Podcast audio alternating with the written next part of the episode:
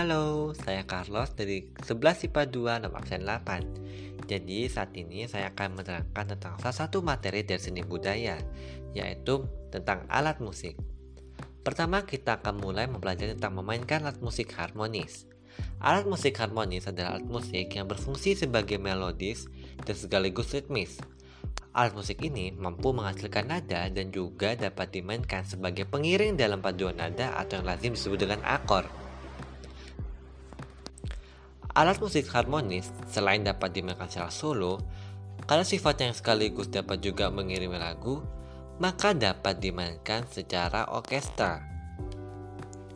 Teknik dan gaya bermain musik harmonis hampir sama dengan teknik dan gaya bermain alat musik melodis. Alat musik ini juga dapat dimanfaatkan untuk memainkan akor yang biasanya berfungsi untuk ritme atau iringan.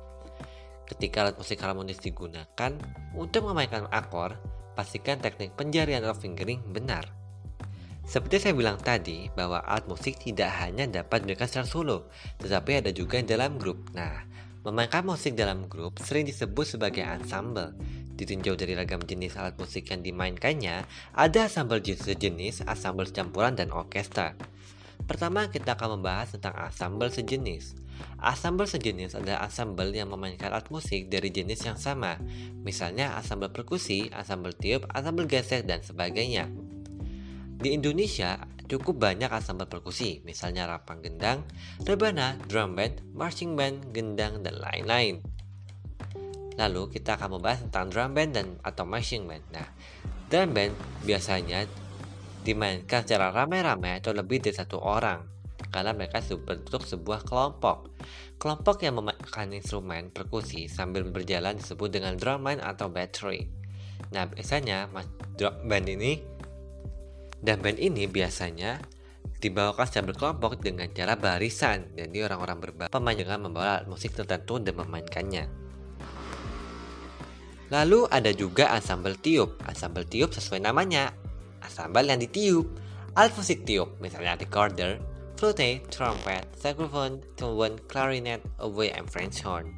Pertama kita akan membahas tentang trompet. Trompet memang banyak jenisnya, tetapi yang paling umum digunakan adalah trompet BB. Tetapi jika di Amerika, trompet yang paling umum dipakai adalah trompet C. Tips ketika memainkan trompet, pastikan kalian mempunyai nafas yang panjang agar ketika Anda meniup trompet akan menghasilkan suara yang kuat dan panjang. Jadi tidak kehabisan nafas. Lalu ada juga French horn. French horn merupakan keluarga alat musik tiup logam. Biasanya dimainkan dalam ensemble atau orkestra musik klasik. French horn pada umumnya menggunakan kunci F meski instrumen musiknya biasanya menggunakan kunci BB. Lalu ada juga klarinet, seperti klarinet yang ada di SpongeBob yang dimainkan oleh Pat, oleh Patrick bukan Patrick, tapi dimainkan oleh Squidward si gurita. Nah, klarinet adalah instrumen musik dari keluarga alat musik tiup. Namanya diambil dari clarino, Italia, yang berarti trompet dan akhiran et yang berarti kecil. Sesuai namanya, klarinet dimainkan dengan menggunakan satu rate. Kalau tadi ada klarinet, sekarang ada saxophone. Saxophone tergolong dalam keluarga musik tiup, terbuat dari logam dan dimainkan secara bermain klarinet, seperti cara klarinet lebih tepatnya. Saxophone pada umumnya berkaitan dengan musik pop, big band, and jazz meskipun awalnya merupakan instrumen dalam orkestra dan band militer. Nama saxophone aslinya adalah saxophone.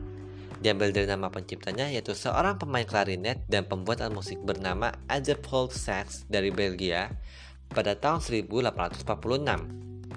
Saxophone paling umum digunakan adalah soprano, alto, tenor, dan bariton. Nah, buat yang kebingungan, apa sih BB tadi? Nah, BB adalah singkatan dari soprano dan tenor atau keluarga band.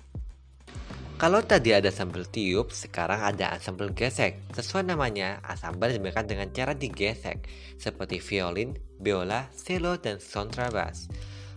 Alat musik yang termasuk dalam keluarga biola ada biola alto, cello, and double bass atau kontrabas.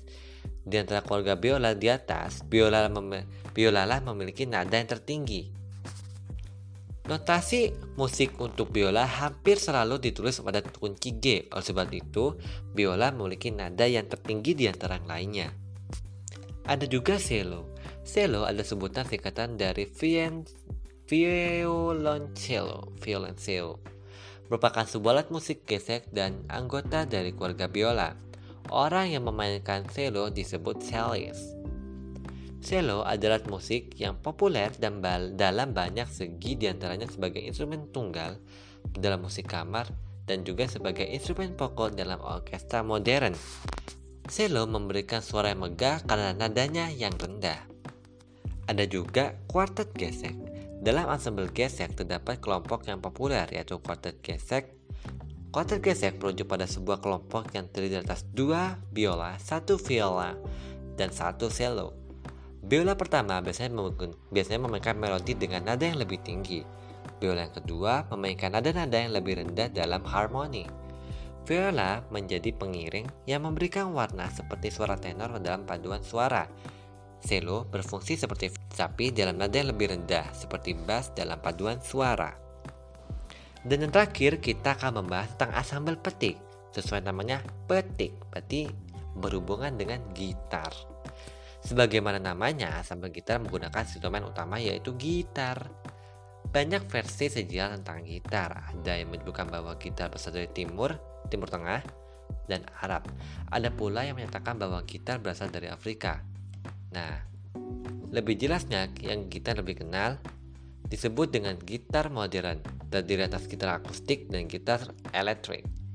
Gitar akustik sering pula disebut sebagai gitar Spanyol, karena dalam sejarahnya di Spanyol gitar bertransformasi menjadi guitarra morisca yang berfungsi sebagai pembawa melodi dan juga guitarra latina untuk memainkan akor. Itu saja yang dapat saya sampaikan menekan materi ini. Segala kekurangan kata dalam suara ini mohon dimaafkan besar-besarnya. Terima kasih.